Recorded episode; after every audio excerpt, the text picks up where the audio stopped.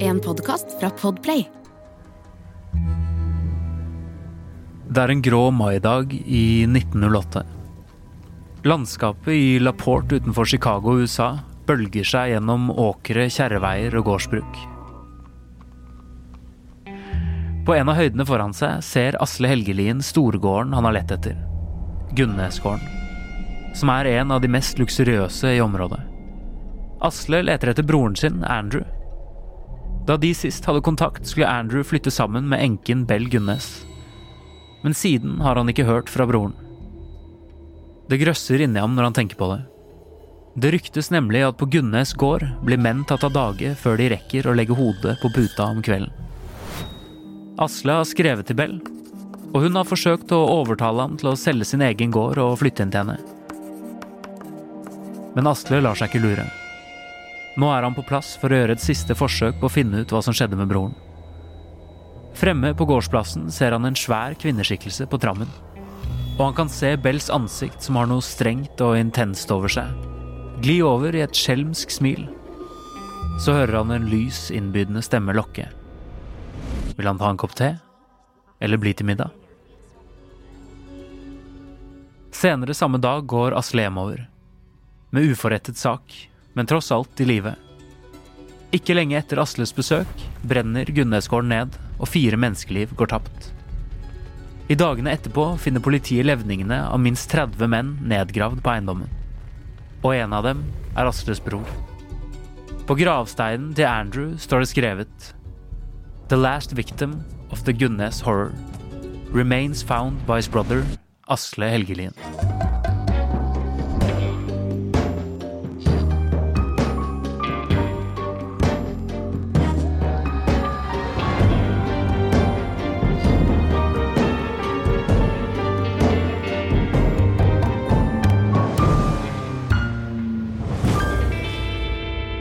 Hei og velkommen til podkasten På innsiden av psykohoder med meg, Jonas Hoff Oftebro og Susanne Nordby Johansen. Raskt våre roller. Altså, jeg er jo skuespiller til vanlig. Jeg har studert ett og et halvt år psykologi, som er mitt alibi for å få lov å være her. Eh, og så er jeg jo true crime-interessert, da. Og så har jeg gleden av å få lov å prate med deg, som jo er rettspsykolog. Det var veldig hyggelig sagt, eh, Jonas. Nei, men dette er jo det du driver med. Ja, det er jo det jeg driver med. Eller altså ikke, ikke i så makabre eh, vendinger. Det, det er det ikke. Men eh, jeg jobber som eh, rettspsykolog. Og så har vel jeg også en litt sånn fanatisk interesse for dette med true crime og seriemordere. Kanskje fra et litt sånn faglig ståsted, da. Ikke bare høre hva de har gjort, men hva er det egentlig som skjer inni hodene på disse menneskene? Hva, hvem er de? Ja, og hvorfor gjør de det de gjør? Og det er jo det vi skal prøve å finne ut av i dag. Mm. Hva, hvorfor gjør Bell Gunnes Det hun gjør, Ja? ja. Hva er det som Og hvem er hun henne egentlig? Og hvor kommer hun fra? Ja? Og hva har forma henne, kanskje? What å bli- makes her tick? Ja, det er jo en fin måte å si det på. Ja. ja. Min teori er jo at eh, hun er en iskald businesskvinne. ja. Jeg tror jo at eh, hvis Bell Gunnes hadde levd i dag, så hadde hun vært eh, styreformann i et eller annet selskap. Men det var hun jo, altså hun var jo ikke det, men hun kunne godt ha vært det hvis hun hadde vært mann. På den tida hun levde, så var hun jo egentlig bare en velstående kvinne som eh, gikk rundt med pels og dyre klær. Men jeg tenker jo absolutt at hvis hun hadde vært mann, så ville hun vært den personen som du så i politikken, eller eh, som hevdet seg i eh, omgivelsene. Yes, Men før vi dukker ned i hodet til Bell, så må vi høre litt mer om bakgrunnshistorien hennes. Bell ble født i Selbu i Trøndelag i 1859, og ble døpt Brynhild Paulsdatter Størsetjare. Familien eide opprinnelig en storgård og satt på forreste rad i kirken. Men pga. økonomiske problemer røyk de nedover på rangstigen, og endte på en husmannsplass og på bakerste rad i kirka. Brynhild var en av de smarteste i klassen, og vokste seg til å bli en røslig dame etter datidens mål. Hun var rundt 1,70 høy og 100 kilo tung. En gang som ung kvinne ble hun gravid, men på en fest sparket barnefaren henne så hardt i magen at hun mistet barnet. Og det ryktes også at hun ble steril. Som voksen emigrerte Brynhild til USA, hvor hun etter hvert tok navnet Bell, og senere Gunnes etter en ektemann nummer to. Hun ble svært velstående, bygget seg opp en storgård og levde i sus og dus. Pengene til luksuslivet fikk hun fra forsikringsutbetalinger. For det var ikke måte på hvor mange ulykker som skjedde i Bells omgivelser. Butikken hun drev brant ned. I tillegg døde flere av de adopterte barna hennes, og begge ektemennene på mystisk vis. Etter at hun ble enke for andre gang, begynte hun å annonsere etter skandinaviske menn i avisen. Og de ulykksalige som gikk på kroken, forsvant ofte samme kvelden de kom til Gunnes gård. Etter at de hadde fått servert en middag à la Bell med arsenikk og stryknin. Forklaringen til Bell var alltid den samme. Det var onkler fra Skandinavia som hadde reist videre. Eller hun var blitt forlatt av nok en beiler. I 1908 brant gården til Bell ned. Og i ruinene ble det funnet tre barnelik og en hodeløs kvinnekropp. På eiendommen ble det funnet minst 30 parterte, nedgravde lik, og en haug med amerikakofferter, klokker og lommebøker. Politiet fant aldri ut hvem det hodeløse kvinneliket var, men de stadfestet at hun var 1,60 høy.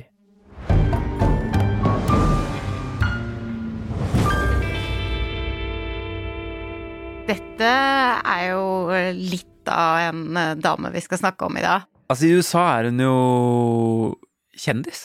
Rikskjendis. Rikskjendis. Altså, hun er en urban myth, en legende. Det er laget sanger om henne. Laget sanger om henne også. Ja. Mm. Ja. Ja, vi, må begynne, vi må begynne fra scratch, da. ja. Hvordan er det å vokse opp hvor du, du kommer jo egentlig Altså, familien hennes har vært liksom prominent og rik, og så har de mistet alt. Så de har blitt liksom fattige på veldig kort tid. Å falle på rangstigen på den tida, altså på slutten av 1800-tallet, det var jo eh, traumatisk Ja. for alle eh, i familien. Og det er jo også noen uh, rykter Altså, alt med Bell er jo egentlig rykter. Ja, selvfølgelig. Ja. Det er også noen rykter, eller det står jo skrevet om henne, at hun altså etter hvert også ble utsatt for vold, da, hjemme. Eh, Ja. Og det, da kan man jo tenke at det handler om uh, familien som da faller på rangstigen. Noen sier jo at hun hadde en ganske traumatisk oppvekst i den familien før hun da emigrerte. Vi må også snakke om det at hun Fordi hun, eh, hun er jo også tydeligvis en utrolig oppegående og, og Hun var jo en av de smarteste i klassen, står Ja. det jo, altså på skolen, og ble jo på en måte eh, skrytt opp i skyene av både læreren og presten, egentlig. Men så satt hun jo da samtidig på bakerste rad på skolen også, og kom jo ikke fram, mest sannsynlig, som den personen hun kanskje var, da. Og kanskje den personen hun kunne ha blitt, hvis hun på en måte hadde fått lov til å komme fram, da. For status på den tida var jo veldig, veldig avgjørende for hvordan du endte opp i samfunnet. Ja, for her, dette skiller jo på en måte Bell Gunnes også fra Forrige episode pratet vi om Ted Bundy. Mm. Og på en eller annen måte, når vi går såpass langt tilbake i tid som vi er nå, så er det Mm. også samfunnsstrukturer da, som jo er med på å prege disse som former deg i aller høyeste grad i Ja, forhold til på 70- og 80-tallet, sånn som vi snakka om Ted. Eh, Så, så fallet var stort, og det var vel kanskje derfor hun bestemte seg for å reise til USA. Men før det, altså Brynhild Paulsdatter Støsekjære. Hun blir jo gravid. da. Ja, hun gjør jo det, og det gikk jo, det gikk jo en del sånne rykter om henne, at hun, hun var litt løs og kunne ligge litt rundt og, og Ja, sånn også, da. ja. Men jeg tror jo kanskje at hun hadde eh, noen forhåpninger om at hvis hun på en måte ble gravid med den hun ble gravid med, som sies å være sønnen til en av de store gårdene, Ja. eneste muligheten å komme seg opp igjen eh, på rangstigen var jo da faktisk å gifte seg med en som var fra en høyere rang, da. ja. Og hvis Bella er så kald og kynisk som det hun var, så kan det jo godt hende hun absolutt spekulerte i det. Men det gikk jo ikke så veldig bra. Ja, det går jo an å tenke at det kanskje ikke var så populært i hans familie heller, da, at han var blitt Gravid med en, eh, en fra en lavere rang, det var Ja. vel absolutt ikke populært i det hele tatt, for de ville jo ikke at man skulle gifte seg med noen fra lavere rang. Nei. Selv om de som var i lavere rang, prøvde. Men han tar jo et ganske dramatisk ja. skritt, da. Så du, han kunne jo nesten fått sin egen episode, bortsett fra at vi ikke Ja, vet Bortsett fra at han han. ikke har gjort det med flere, antagelig. Men uh, han, Eh, spar han sparker henne jo. Altså Ja. på en fest så, og låvefest så sparker han henne i magen, så hun mister barnet. Ja, Og det er jo Kanskje ikke helt lett å vite, da, men at hun kanskje også mister muligheten til å kunne få barn. ja. Det er vel kanskje sannsynlig det, i og med at eh, det er i hvert fall spekulasjoner rundt omkring de barna som hun hadde rundt seg i USA, at de faktisk ikke var hennes egne barn. Vi må, vi må nesten gå inn på bare akkurat etter hun blir sparket med det barnet, Mm. så er det jo mye prat om at hun endrer seg. psykologisk sett så er det jo et betydelig traume å eh, altså bli utsatt for vold, da. For henne så, så var vel det kanskje det som gjorde at det tippet over, da. At ikke var det noe greit hjemme, og ikke var det noe greit ute i omgivelsene heller, og hvis du blir utsatt for vold, trakassering, mobbing, som de sier at øh, hun ble utsatt for, så, så gjør det noe med deg som person. Du endrer deg som menneske, men blir du drapsmann?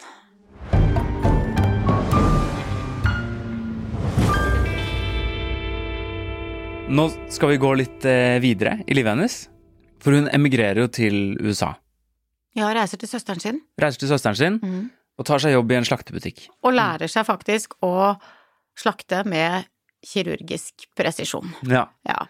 Hun jobba ikke foran disken, Nei. men hun jobba bak disken med det som eh, på en måte var et eh, ganske heavy arbeid.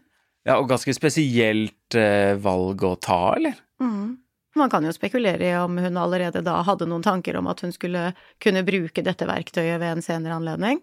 Altså Man kan jo til og med spekulere i om hun finner noen nytelse i å drive og kutte opp alle disse dyra i den Dyra, i hvert fall i den butikken. Eh, Men det som fascinerer meg med det, er jo at hun, hun det, det beskrives at hun hadde veldig presisjon, og at det var litt sånn kirurgisk presisjon. Jeg er ikke så sikker på om en vanlig slakter i dag har så veldig kirurgisk presisjon, Nei, så noe må det jo ligge der. noe må det ligge der. Ja.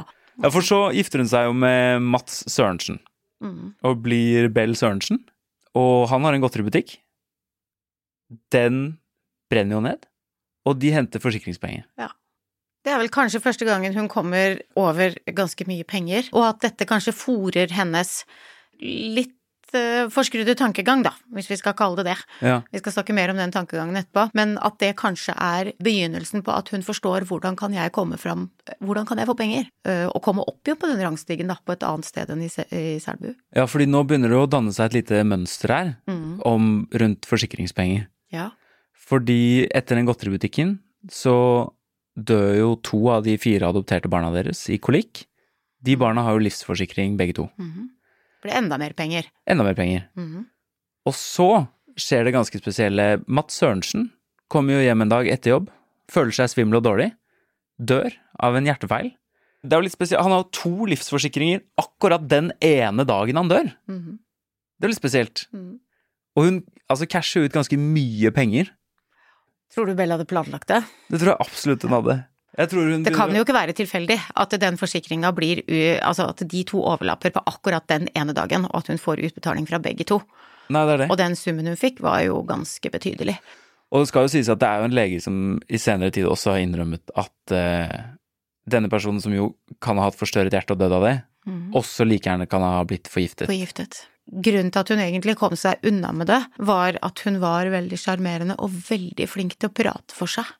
Og Ja. ha gode forklaringer til f.eks. for eksempel legen og de som på en måte undersøkte det, da. Men det er, noe, det er noe utrolig driftig over det her òg, eller det er noe sånn kaldt og kalkulert som er helt annerledes fra for eksempel Ted Bundy som vi pratet om forrige gang, som jo har sånne drifter og seksuelle ting som tvinger han til å gjøre det, ikke sant. Dette føles for meg mye mer sånn klinisk. Dette, Ja. Det gir mening for meg at hun er så god på å partere, og det er så Dette er liksom premeditert. Det er tenkt gjennom, det er tatt ut livsforsikringer. Og så utvikler jo businessmodellen seg.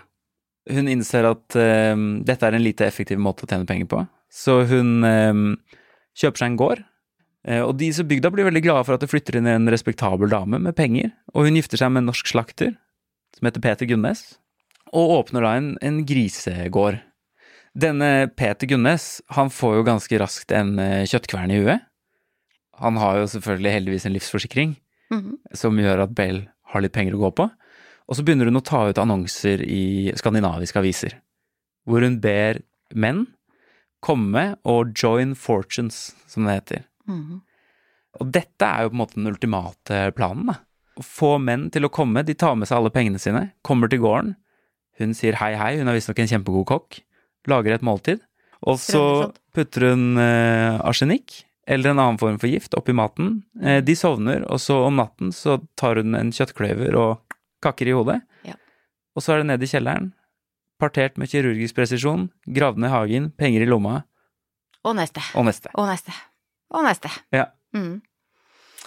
Og så tror jeg kanskje at eh, han Gunnes hadde noen barn som faktisk bodde på gården sammen med de, og faktisk eh, Noe av grunnen til at eh, Bell kanskje følte at det begynte å brenne litt under beina på henne på et eller annet tidspunkt, det var faktisk disse barna som sa ifra.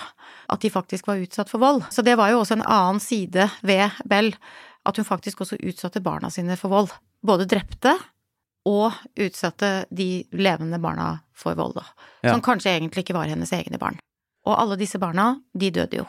Så denne damen har jo en ganske lang og makaber historie. Ekstremt. Ja. Og jeg tror, Jonas, at dette handler om noe mer enn penger.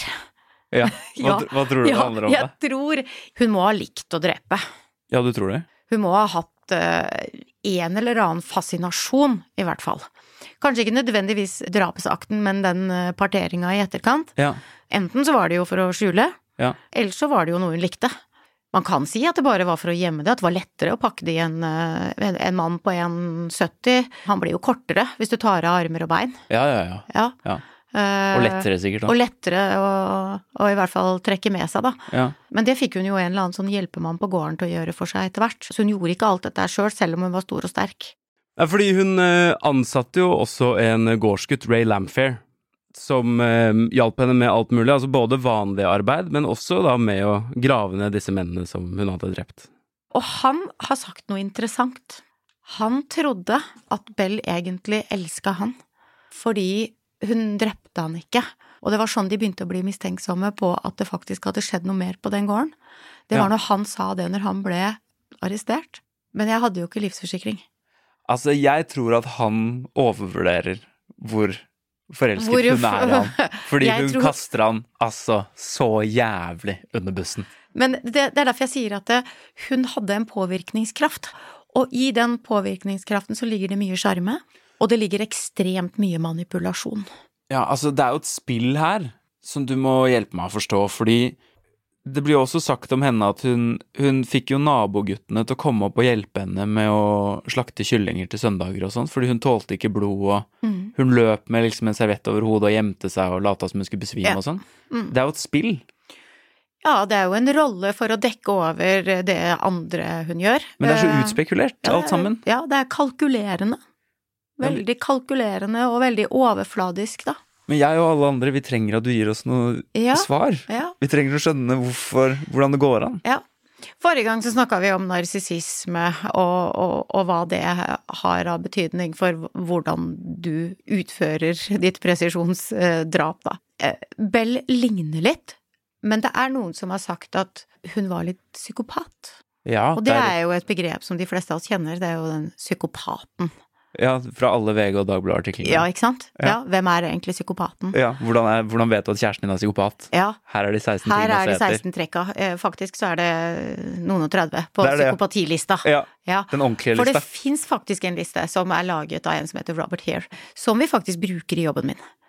Ok. Ja, og den bruker vi for å vurdere om du har disse psykopatiske trekkene Ja. som ligger innunder det vi kaller for antisosial personlighetsforstyrrelse. Er dette en test jeg kan ta, eller? For ja å finne da, ut den kan vi ta. Den Ja. kan du laste ned fra nettet, den, Jonas, og Ja, så ikke kan du ta den på deg sjøl. Eh, og hvis du faller over eh, rundt sånn eh, 25 positive score, Ja. så, så må vi begynne å bli bekymra Da for ses det, vi tror jeg. til en annen type samtale. Ja, det kan godt hende at vi ender opp på et annet kontor da. Eh, Men denne psykopatiskalaen, da, den brukes til å vurdere hva slags personlighetstrekk man har, som ikke bare sier noe om at du har disse trekkene, men også og vurderer risiko for gjentagelse av handlinger. Og hvis vi ser på Bell, da, Ja. hvis vi går tilbake til henne, så, så vil hun nok eh, tilfredsstille litt av, av disse kriteriene for en psykopat. Hva da? Ja. Hun var litt glatt. Ja. Sklei gjennom. Mm. Ja. Hun var sjarmerende. Ja. Til og med både presten og læreren var jo veldig sjarmert allerede da hun var lita jente. For ikke å snakke om alle disse skandinaviske brevvennene som kommer til Ja, gården. som faktisk kom til gården og lot seg sjarmere. Og jeg tror også det var et element av litt sånn eh, eh, litt sex hun spilte på i disse brevene sine. Eh, Så så sjarmerende. Hun var grandios. Hadde ganske høye ideer om seg selv. Hun hadde også, hvis man ser på historien hennes, et veldig behov for det vi kaller for umiddelbar stimulering. Hun kjeda seg mest sannsynlig lett. Og når hun var ferdig med den ene mannen, så var det bare neste. Ja. Sant? Og da var det neste ad og neste brev og neste brevveksling. Ja. Og det, det ga henne spenning. Det ga henne glede, Ja. kanskje, selv om følelsene faktisk var ganske grunne. Det vi kaller for grunne affekter. Ja. Altså at de følelsene stakk ikke så dypt, det var mest på overflata. Hvis man, hvis man sliter med å kjenne på følelser, Da er vi inne på det med empatisvikt. men hvorfor har man så lyst Eller hva er denne glede Allikevel så har man glede i å liksom manipulere folk og Tilfredsstille seg selv, Ja, så det er der ikke allikevel. andre. Ja, Ja. Så det, Det er er jo der allikevel, men det går ikke i, i bånd. Og du har jo ikke evnen til å sette deg inn i hva de andre føler, bare hva du føler. Ikke sant? Altså det gir deg en eller annen form for stimuli. Og en annen stimuli som kanskje ga henne noe glede, da, det var øh, patologisk lyving. Hva er det? Hun, hun Patologisk lyving? jugde jo Ja. hele tida. Ja. Og at når det blir patologisk, så er det avvikende. De fleste av oss kan lyve litt Ja. for å komme ut av en situasjon. Ja. En hvit løgn, ja det kan vi ta. Ja. Ja, men vi lyver ikke hele tida.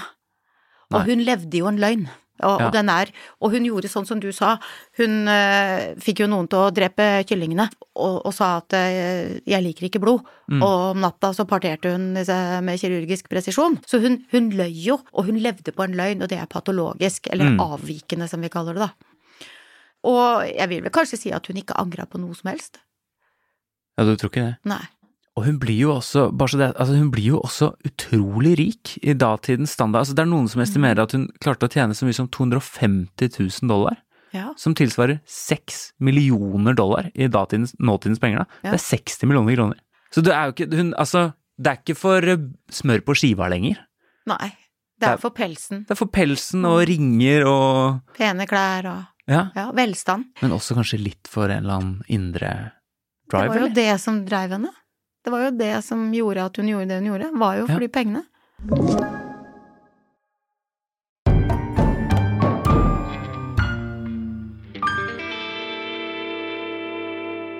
Men var hun sosiopat, eller var hun psykopat?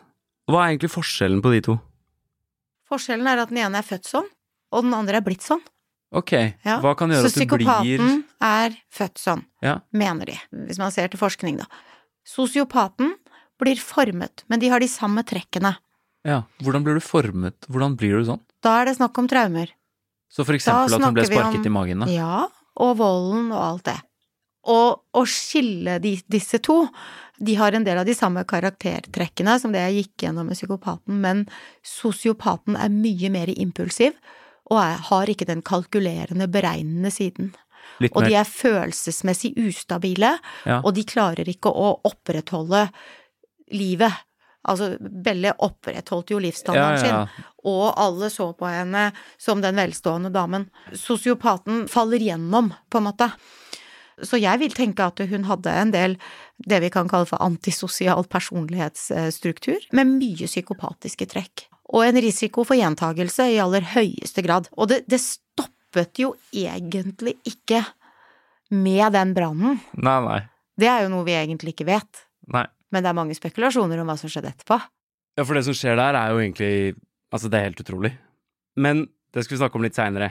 Vi må snakke om hvordan Bell eh, dreper både disse mennene og disse barna. Det må vi. Det er jo en liten forskjell. Altså, barna blir jo forgiftet og dør. Disse mennene blir jo forgiftet, og så blir de jo kløyvd i hodet mens de sover. Mm. Og så vidt jeg har klart å lese meg fram til her, da, så ligger det ofte en forskjell i kvinner og menn i måten de dreper. Altså menn er ofte voldeligere, Ja. mens eh, kvinner Altså gift er mye vanligere for kvinner. Mm. En vanlig modus operandi for damer er å, å forgifte, eller bruke gift, da.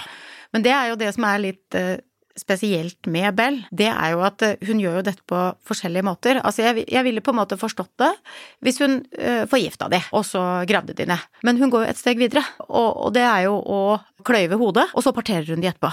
Ja. Hvilket ikke er veldig kvinnelig. Sånn at fra det å si at det, dette her var bare en måte å skjule det på, kanskje hun hadde en eller annen sånn form for nytelse i den parteringen etter at de var Sjukt. døde. Ja. Og da, da, begynner hun, da, da begynner jo øh, psykopaten og det planlagte å komme veldig godt fram. Altså at hun, hun faktisk ikke er sosiopat, øh, for hun er ikke impulsiv, og hun, er, hun gjør ingen egentlig irrasjonelle handlinger i det hele tatt. Ja, dette er gjennomtenkt, ja. Alt er gjennomtenkt, alt er planlagt, ned til minste detalj. Hvordan hun skal gjøre det, Ja. hva slags striesekker hun skal bruke, og hvordan hun skal plassere de i denne striesekken for Ja. at de skal ta minst mulig plass, og grave de ned. Ok, men nå er det på tide å prate om den store brannen som finner sted på gården. Og som vi nevnte i åpningshistorien, så begynner det hele med at Asle Helgelin lurer på hvor broren hans er blitt av. Han begynner å sende brev til Bell, og Bell sier at han kan ta ut alle pengene sine og komme, han òg. Prøver seg på samme Ja. med han som hun har gjort på alle de andre. Men han lukt, lukter ugler i mosen. Det gjør han. Og rundt det tidspunktet her så er det jo også barna hennes har begynt å prate om at moren slår og sånn.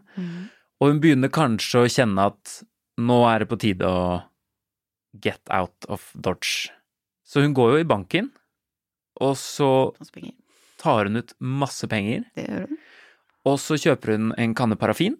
Ja. Og så blir hun sett med en ung kvinne som, eh, de, som ingen ser igjen, men som de mener at hun har skulle ansette som husholderske. Den kvelden så brenner gården til grunnen. Med de tre barna og liket til en kvinne som mangler hodet. Og ved siden av det liket så ligger gulltennene til Bell. Og politiet mente jo at det var Bell.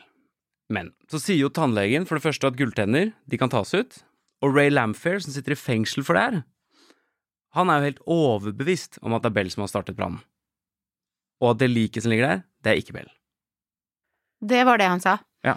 Det, altså, dette vitner jo bare om at eh, Bell absolutt ikke er impulsiv i det hele tatt. Nei, ikke det hele tatt. For når det begynner å brenne under beina på henne, så bruker hun faktisk tid. Ja. Hun bruker tid som hun kanskje da hadde litt lite av, men datidens uh, politietterforskning var kanskje ikke sånn som den er nå. Det går ikke like fort som det gjorde, uh, gjør nå.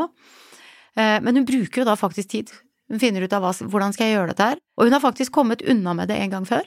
Den brannen, ikke sant. Ja. Brant ned en godtbutikk, var ingen som fant ut av det. Ok, da gjør jeg det en gang til.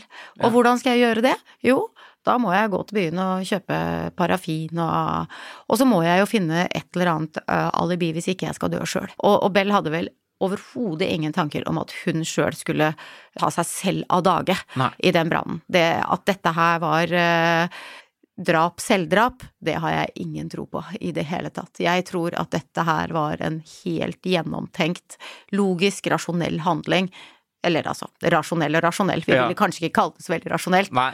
Men for hennes var det det, for hun ville ha livet sitt videre. Og hun eh, hadde jo da masse penger å ta med seg, selv om hun jo da ikke fikk noen penger ut av denne gården, da. Nei, men hun hun hadde jo nok penger fra før. Hun hadde nok penger fra før.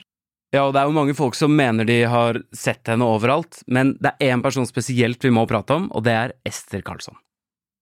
Ester Karlsson dukker opp i California, Det gjør hun. anklaget for å ha drept mannen sin. Ja. Han blir funnet forgiftet med arsenikk. Mm. Og i tillegg, eh, det finnes jo bilder av denne Ester. Hun er jo da mye eldre enn Bell var når hun ble borte, men det er mange som mener at dette er, Mhm. det er Bell Gunnes. Og i tillegg, i en amerikakoffert hjemme på rommet hennes, så finner de jo bilder av de to døtrene hennes. Ja, mm. Mhm. Altså døtrene til Bell. Ja, ja, ja, døtrene til. Bell. Ja. Ja. Det er masse spekulasjoner om eh, Ester Karlsson eh, faktisk var Bell. Og hvis du ser på bilder eh, av henne ved siden av den mannen som hun da tok av dage, da, han, Ja. han Karlsson, så var hun jo nesten høyere enn han. Og det var jo også et av de elementene med det, det liket som ble funnet på den gården, var jo at det bare var 1,60.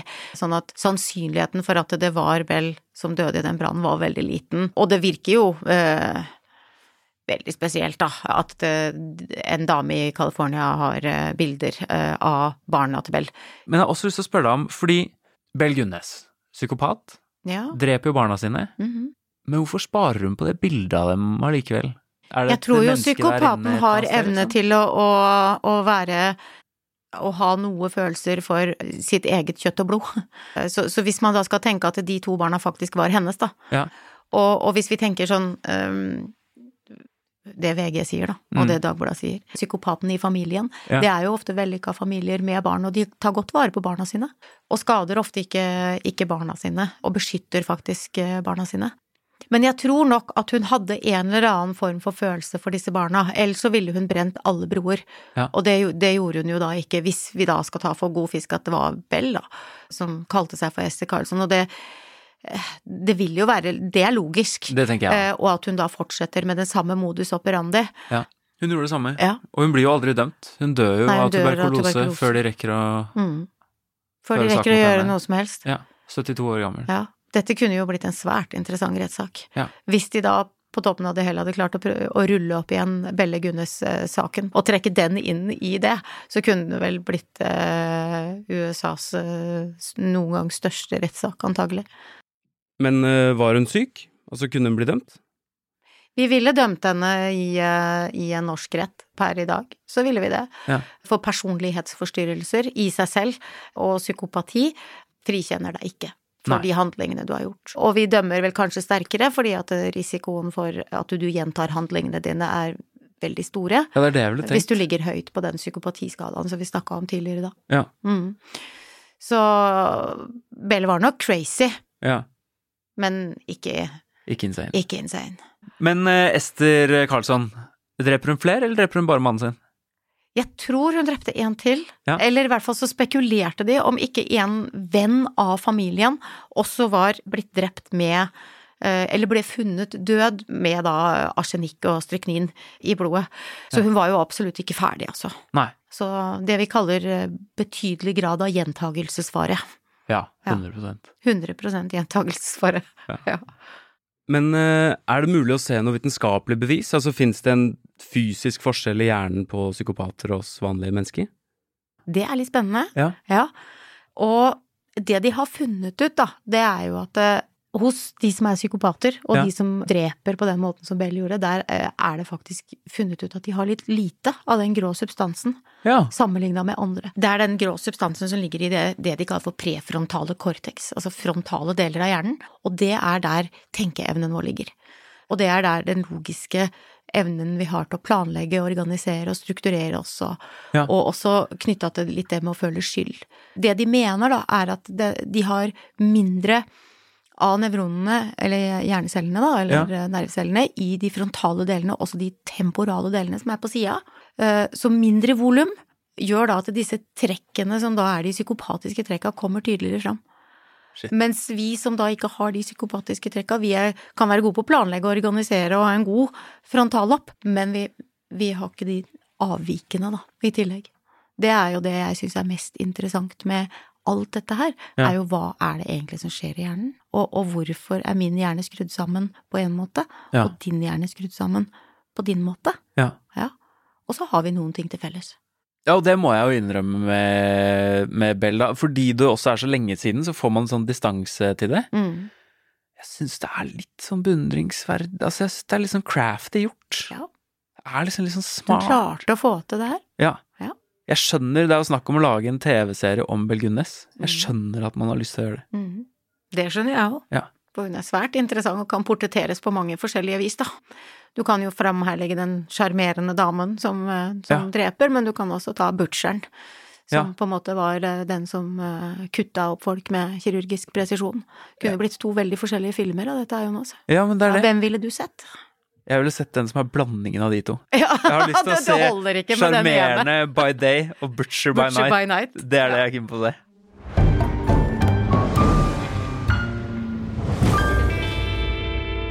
Ok, hva har jeg lært i dag? Jeg, jeg startet jo denne episoden med å tenke at eh, Bell Gunnes var en iskald eh, forretningskvinne.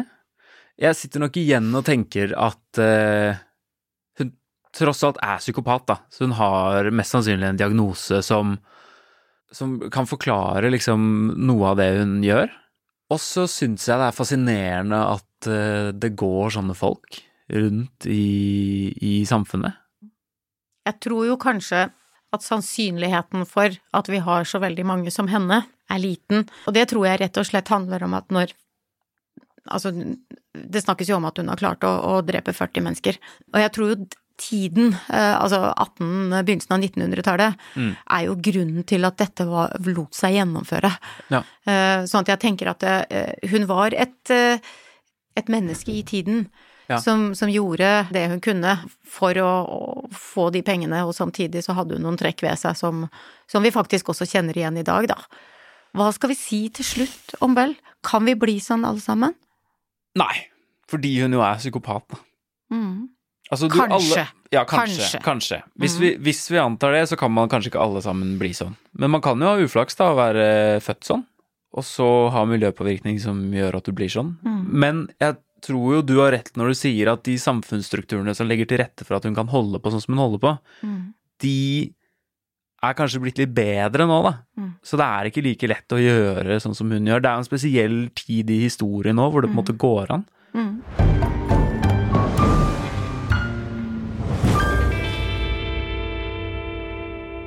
Tusen takk for i dag. Takk for i dag, Jonas. Det har vært gøy. Det har det. Jeg gleder meg til Veldig neste gøy. gang. Jeg òg gleder meg kjempemasse neste gang. Og så håper jeg du som lytter har kost deg, og at vi høres igjen.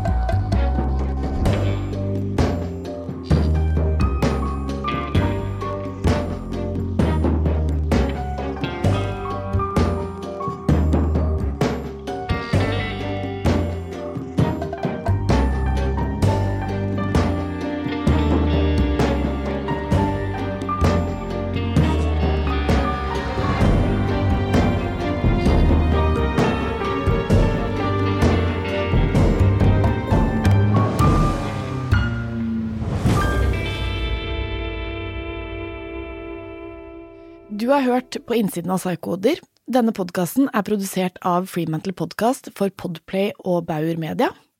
Programledere er Susanne Johansen og Jonas Oftebro. Produsent er Kjersti Kvam.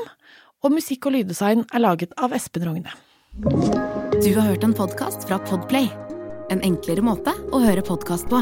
Last ned appen Podplay, eller se podplay.no.